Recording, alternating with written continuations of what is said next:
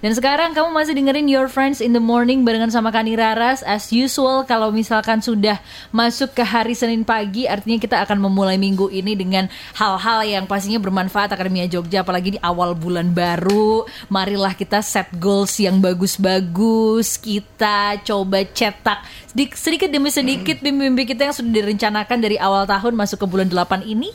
Artinya ya kurang dari lima bulan juga kita bakal pindah tahun. Ya nggak Pak Guru? Betul sekali. Hai hai Selamat Akademi Jogja. pagi. Selamat pagi Rara. Selamat pagi Pak Guru Deon. Ini datang dari Swargama Training Center Akademia Jogja. Kabar Yes. gimana Pak Deon? Gimana weekendnya? Kabarnya baik sekali, weekendnya lancar. Ya di rumah aja tetap. Ayo kita sekarang tebak-tebakan PPKM diperpanjang apa enggak? Oh iya ini tanggal 2 ya? Oh iya betul. Belum ada pengumuman ya dari pemerintah. Belum ada pengumuman. Dan- Aduh. Dan ini mungkin juga akan benar-benar relate sama topik yang akan kita bahas Ya, juga ya, ya, ya, pagi hari betul. ini Pak Guru Deon. Mungkin kamu juga udah sempat kepoin di Instagram @suaragama_fm Akademia Jogja. Pagi hari ini kita bakal ngobrolin soal quarter life crisis nih di sekolah Uh. Senin. Apalagi ya ditambah dengan kondisi yang serba nggak menentu gini loh Iya, Pak Guru. iya. Pasti ini bener-bener ya untuk orang-orang yang seumuran sama Raras kan berarti Iya, ya, iya, betul, bakal betul. ngerasa banget gitu.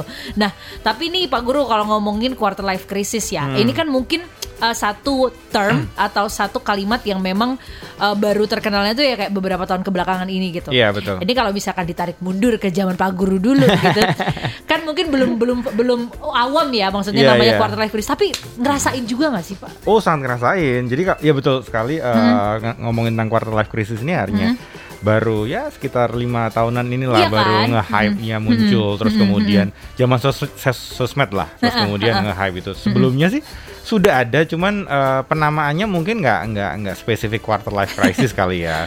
Cuma mungkin eh, apa namanya perpindahan dari masa eh, kuliah ke masa pekerjaan. Nah, itu yang kemudian eh, bedanya di situ. Nah, apakah saya mengalami dulu? Sangat mengalami. B- umur 25 tahun itu sudah mulai bekerja kan? Hmm, hmm. Saya bekerja bahkan sebelum lulus kuliah udah bekerja. Semester 6 semester 4 sorry, semester 4 itu sudah mulai bekerja. Jadi eh, dan pekerjaan yang saya ambil dulu itu kurang lebih sama ketika sampai akhirnya umur 25. Jadi umur berapa itu kalau semester 4 itu berarti umur sekitar 22. Oh, seraras tuh berarti waktu masuk Swargama. Ya, Ah, ah, ah. oh, masih kuliah kan Raras. Nah, 22 sampai kurang lebih 25, 3 tahun. 3 tahun kalau dalam masa pekerjaan itu sudah bisa menentukan aku cocok atau enggak. Oke, Betul oke. kan? Kalau Hmm. cuma baru enam bulan, satu tahun itu masih belum berasa ya? belum berasa ini bener nggak? Kalaupun eh, sudah berasa mungkin itu emosional gitu loh. Hmm, Belum belum ada bukti yang spesifik. Tapi kalau sudah ber- eh, beranjak tiga tahun, kita sudah mulai menentukan ini bener nggak? Hmm, Ini nyaman nggak buatku? Ini oke nggak untuk ke depannya? Karena eh, tiga tahun lima tahun awal karir itu akan menentukan the rest of your life gitu loh. Hmm, Kamu akan bekerja di spesifik di bidang mana ini? Nah waktu itu eh, ngajar juga memang. Hmm, ngajar juga sampai akhirnya umur 25 itu kayaknya bukan ini deh hidupku. Karena waktu itu baru kenceng-kencengnya ngomongin tentang passion. Ah, bener. jadi waktu waktu itu kan kalau ini kan ngomongin tentang quarter life crisis ya. Kalau waktu dulu eh, apa namanya 2000-an 2010 ke bawah Hmm, itu passion itu bener-bener lagi gencar-gencarnya. Dan ngomongin passion waktu dulu itu mengarahnya ke kamu harus bekerja eh, kamu harus ber- berwirausaha. Oke. jadi eh, apa hobimu? Fotografi kah? Apa? Atau apa? Ya wes kamu tekunin di situ dan kamu berwirausaha. Oke, oke, oke. dan benar eh, betul sekali. Sampai akhirnya saya memutuskan untuk resign dari kantor saya. Terus kemudian waktu itu masih di Jakarta balik ke Jogja buat sebuah kafe. Kafe kafean sih. Dengan dengan bekal eh, sosok passion gitu loh. Dan betul dalam waktu kurang lebih kurang dari setahun kafe itu sudah tutup. Oke, oke, oke, oke. Jadi ini cerita pengalaman dari Pak Guru Deon ya bahwa ternyata tuh banyak ya Pak. Berarti kalau misalkan dari cerita Pak Guru barusan tuh Hmm. bisa banyak faktor yang akhirnya tuh mempengaruhi kita. Nggak Iya. cuma dari diri kita sendiri aja, tapi kalau dari dari Pak Guru Deon mungkin karena faktor eksternalnya orang-orang lagi banyak ngomongin passion Hmm, nih gitu. Jadi mulai kepikiran, eh apa jangan-jangan bukan di sini ya Iya, gitu. iya, iya. Terus gimana tuh Pak caranya kita eh, untuk paling enggak tuh tahu aja deh tujuan kita mau ke mana gitu.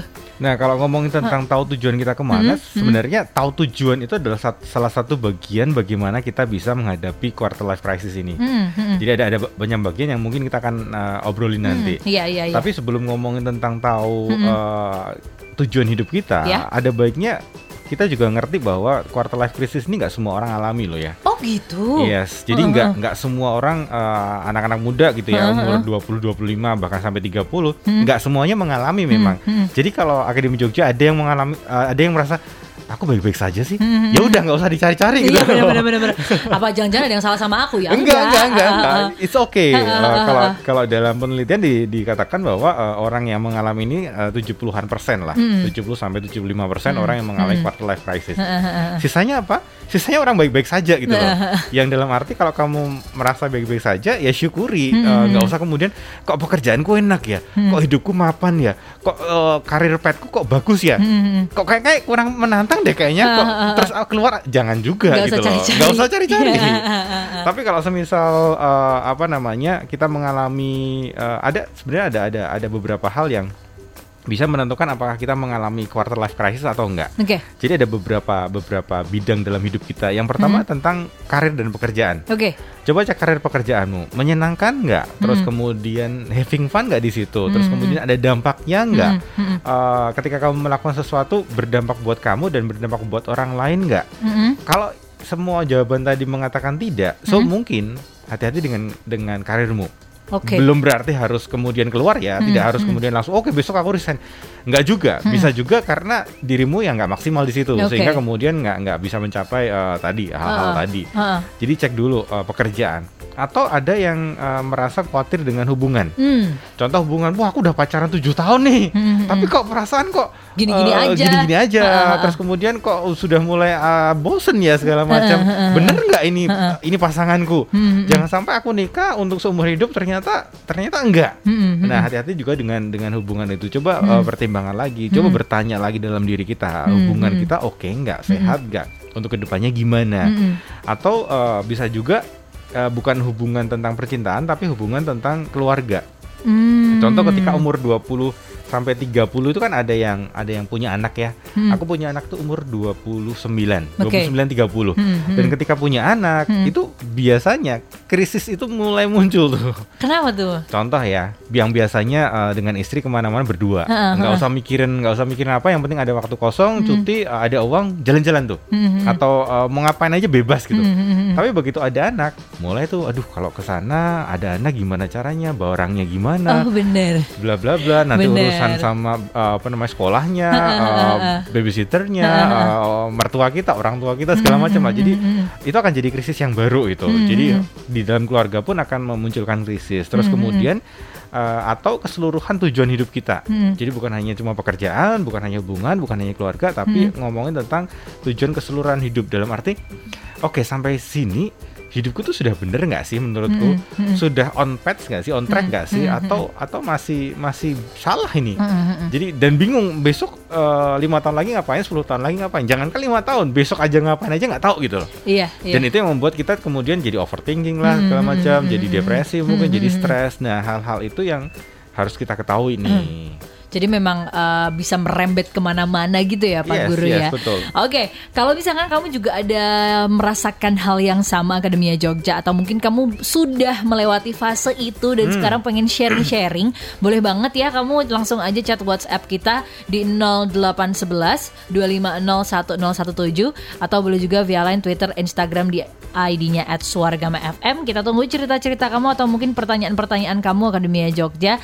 Habis ini aku nggak bakal mana-mana, bakal balik lagi. 101,7 Suara Gama FM Jogja The Soundtrack of Your Life masih disiarkan langsung dari Kompleks Wisma Kagama Blok G. Yogyakarta. Oke, masih di Your Friends the Morning Akademia Jogja kita kembali ngobrol-ngobrol barengan sama Pak Guru Deon di sekolah seni nih.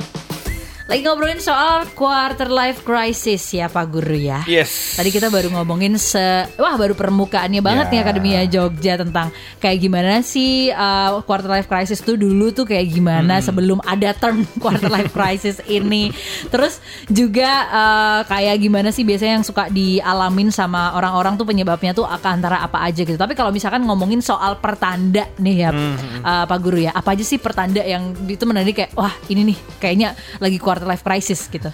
Kalau pertanda sih sebenarnya bisa dilihat dari uh, arti dari quarter life crisis ya. Mm-mm. Jadi kalau ngomong quarter life crisis itu adalah periode saat seseorang yang berumur uh, sekitar 20 sampai 30-an tahun merasa ya tandanya tidak memiliki arah, terus kemudian khawatir, Hmm, uh, hmm, bingung hmm. uh, dan galau gitu loh Hmm, akan kepastian uh, hidupnya ke depannya. Hmm, hmm. Jadi kalau kita sudah merasa itu, yang ini benar-benar bukan hanya sekedar uh, satu dua jam terus kemudian selesai ya. Iya. Dalam arti beberapa hari, beberapa bulan terus Benar. mem- memikirkan secara terus menerus.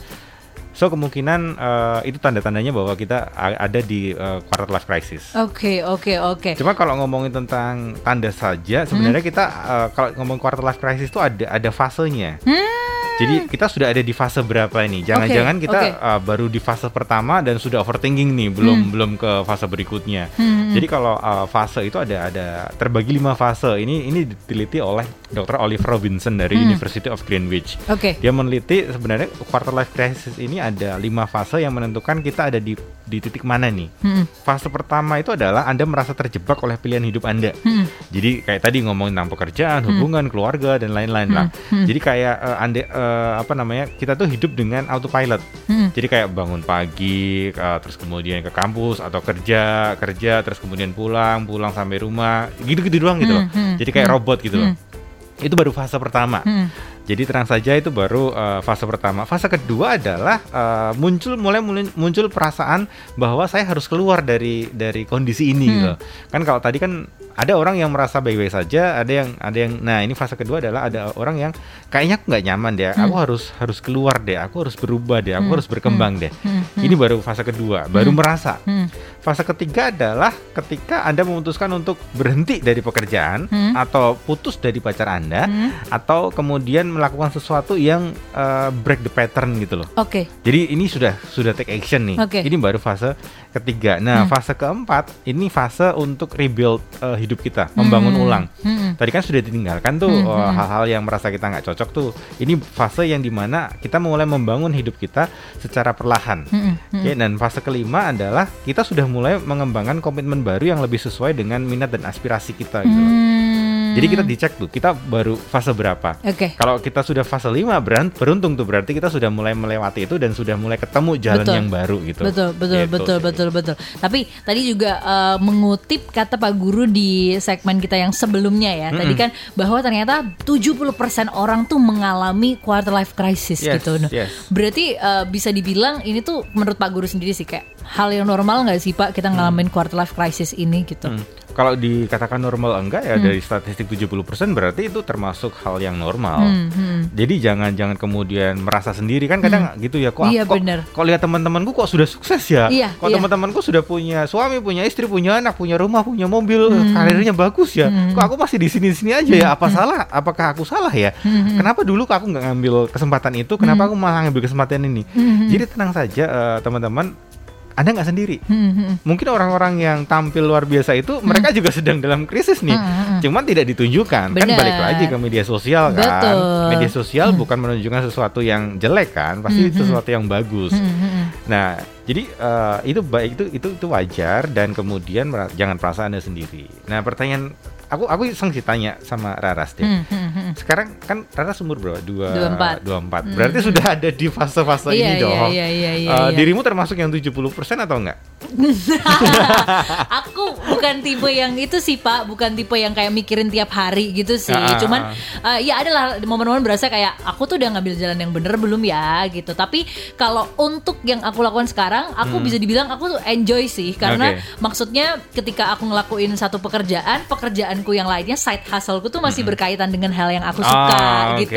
Jadi eh, maksudnya masih merasa safe dan aman di situ gitu. Dan ya udah gitu aja sih. Jadi pekerjaanmu ini adalah pekerjaan yang memang dirimu enjoy di Iya, sini kan? iya, enjoy. Oke. Ha, ha, ha. Ya, ya itu berarti kalau aku lihat berarti eh, Raras bukan bagian dari 70% Hmm, itu hmm, yang merasa I'm fine with Hmm, uh, my life gitu loh Hmm, hmm. dengan pekerjaan utama uh, berkisar tentang penyiaran, ha, ha. uh, ngomong segala macam, Hmm. side hustle-nya juga tidak jauh dari Iya, itu. betul, betul, betul, dan betul. you enjoy it, itu Hmm. berarti ya ya ya nggak ada masalah Hmm, hmm, hmm, gitu hmm. sih. Berarti kalau misalkan ada Akademia Jogja yang lagi ngerasa kayak Raras maksudnya ngerasa fine dan nyaman aja berarti nggak perlu cari-cari juga kan ya nggak perlu cari-cari. Nah kadang kadang gini, kadang eh, ada ada ada eh, ada orang yang kemudian termakan dengan eh, isu atau termakan dengan apa ya eh, nasihat orang Hmm. keluar dari comfort zone-mu. Bener-bener. Nah, nah, Zona nah, ini, ini, ini, ini, ini, ini, ini, bener Kan banget. kalau keluar dari zona nyaman kan memang kondisi di mana kita eh, sedang mencari hal yang baru ya. Hmm, hmm. Cuman kalau eh, saranku sih hati-hati dengan nasihat itu. Hmm, Karena hi-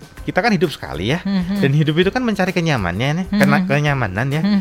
Kalau kita sudah ketemu kenyamanan kita, ngapain harus pergi gitu loh. Iya, iya, iya, iya. Jadi iya, kalau iya, sudah iya. nyaman di situ, ya wes nikmatin aja. Iya, nah, iya, kalau iya, aku lebih iya. lebih seneng bukan leave your comfort zone, tapi expand your comfort zone. Iya, iya, Jadi iya, iya. lebarkan zona nyamanmu kayak Benar, tadi benar. Raras di sini nyaman nih sebagai penyiar radio. Oke, so supaya aku nggak terjebak di sini selamanya, apa yang bisa aku lakukan ya tadi side hustle-nya yang ada masih berhubungan dengan penyiaran, Hmm, masih hmm, berhubungan hmm. dengan voice over segala macam. Hmm, Jadi hmm, berkembang tuh, Hmm. nggak nggak stuck di sini. Gitu. Jadi hati-hati hmm. dengan live your comfort zone. Nah ini nih Akademia Jogja Jangan eh, langsung ditelan mentah-mentah Tapi dipertimbangkan juga Karena yang ngerasain kan juga diri sendiri ya Betul, Pak, Pak. Deon ya Jadi eh, biar kamu juga tahu nih Harus eh, punya punya apa ya Kayak faktor-faktor yang menjadi pertimbangan juga lah. Jangan langsung Hmm. kayak Langsung tinggal langsung cabut gitu Akademia Jogja. Oke Habis ini kita lanjut lagi Ngasih ngobrolin soal Quarter Life Crisis Akademia Jogja. Gimana sih cara-cara untuk mengatasinya juga ya? Pak Yes, ya Tadi kita betul. belum ngobrolin soal itu. Jadi kamu jangan ke mana-mana dulu. Kalau penasaran stay tune terus di Suara Gema FM Swaragama, the soundtrack of your life. 101.7 Suara Gema FM Jogja The soundtrack of your life Your friends in the morning Barengan sama Kani Raras Dan sekarang kita masih ada di sekolah Senin Juga barengan sama Pak Guru Dean Hey, hey. Ngobrolin tadi apa ya Soal quarter life crisis gitu Yes. Yang ternyata nih Akademia Jogja fun fact-nya Gak fun juga sih sebenarnya kalau ngalamin ya Tapi maksudnya ini adalah kondisi yang eh, bisa dibilang relatif normal Karena Hmm. dialami sama 70% orang gitu ya Jadi Hmm. kalau kamu adalah 30 persennya ya udah nggak usah dicari-cari itu yang dari tadi aku bacain kayak oh ya udah berarti normal juga gitu nggak ngerasain quarter life crisis gitu Iya, karena masih iya, ada iya. 30 persen lainnya dan sekarang kita ngomongin dari tadi kalau kita udah ngomongin soal ciri-ciri ya pak ya terus juga kayak penyebabnya tuh apa aja gitu Hmm, Yes. bisa quarter life crisis nah sekarang kita nanya how to overcome gitu Oke, how to overcome. bener Jadi kalau Gimana? ngomongin tentang quarter life crisis itu kan kayak kita tersesat ya. Jadi kita sudah ambil satu jalan, terus kemudian di hampir di ujung itu kok, aku di mana sih nih kok? Ha-ha. Kok kayak bukan bukan mengarah ke tujuanku deh. iya lost aja Lost gitu aja. Heeh. Jadi kayak eh, analoginya adalah ketika kita tersesat, semisal kita jalan di hutan gitu ya, Hmm. dan kemudian tersesat, itu kan harus ada beberapa hal yang harus dilakukan ya. Nah. Nggak kemudian asal, oh aku harus ke sana harus ke sini. Kalau kita nggak tahu arah gitu. Jadi sama dengan eh, quarter life crisis ini. Jadi Hmm. yang pertama dilakukan adalah stop dulu jalan.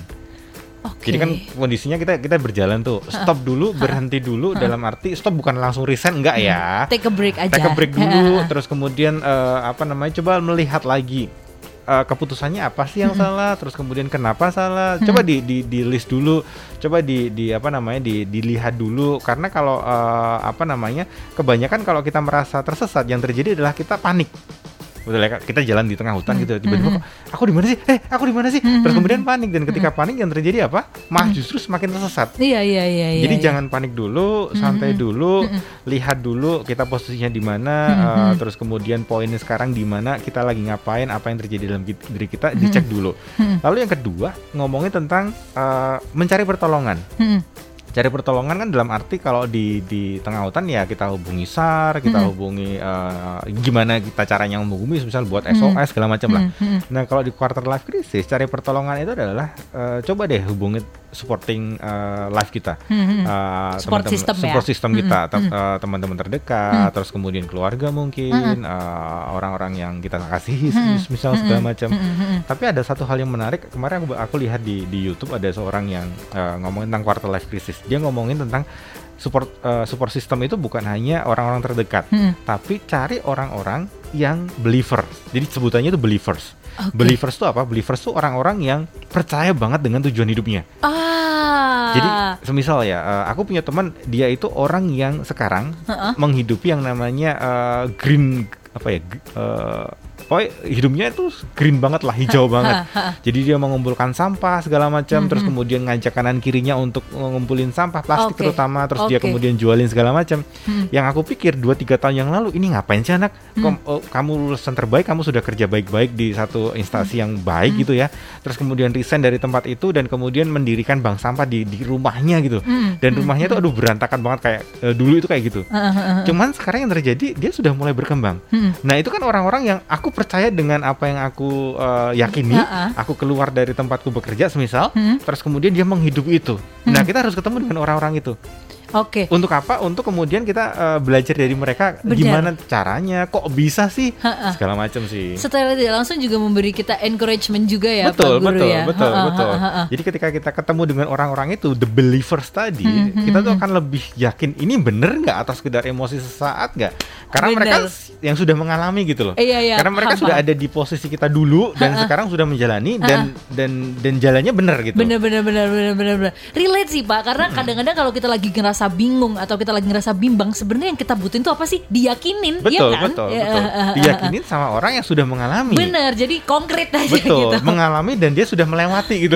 Bukan sama-sama em, sedang mengalami jadi bingung ber- bingung eh, dua-duanya bingung Iya, kan. iya, benar, benar, Jadi benar, benar. mela- eh, mela- eh, apa namanya sudah melewati dan kemudian sekarang sudah ada di posisi yang baik gitu. Hmm, Itu yang kedua cari pertolongan. Yang ketiga adalah coba eh, kalau kita tersesat di tengah hutan gitu coba cari landmark yang kelihatan. Ah, Landmark itu bener. kayak apa ya? Eh, Misalnya kayak kalau kamu tengah hutan cari sinar matahari ya di Yes, mana, betul. kayak gitu. Arah matahari, bulan, Ah, semisal ah, ada bintang. Hembusan anginnya dari mana Iya gitu juga kan.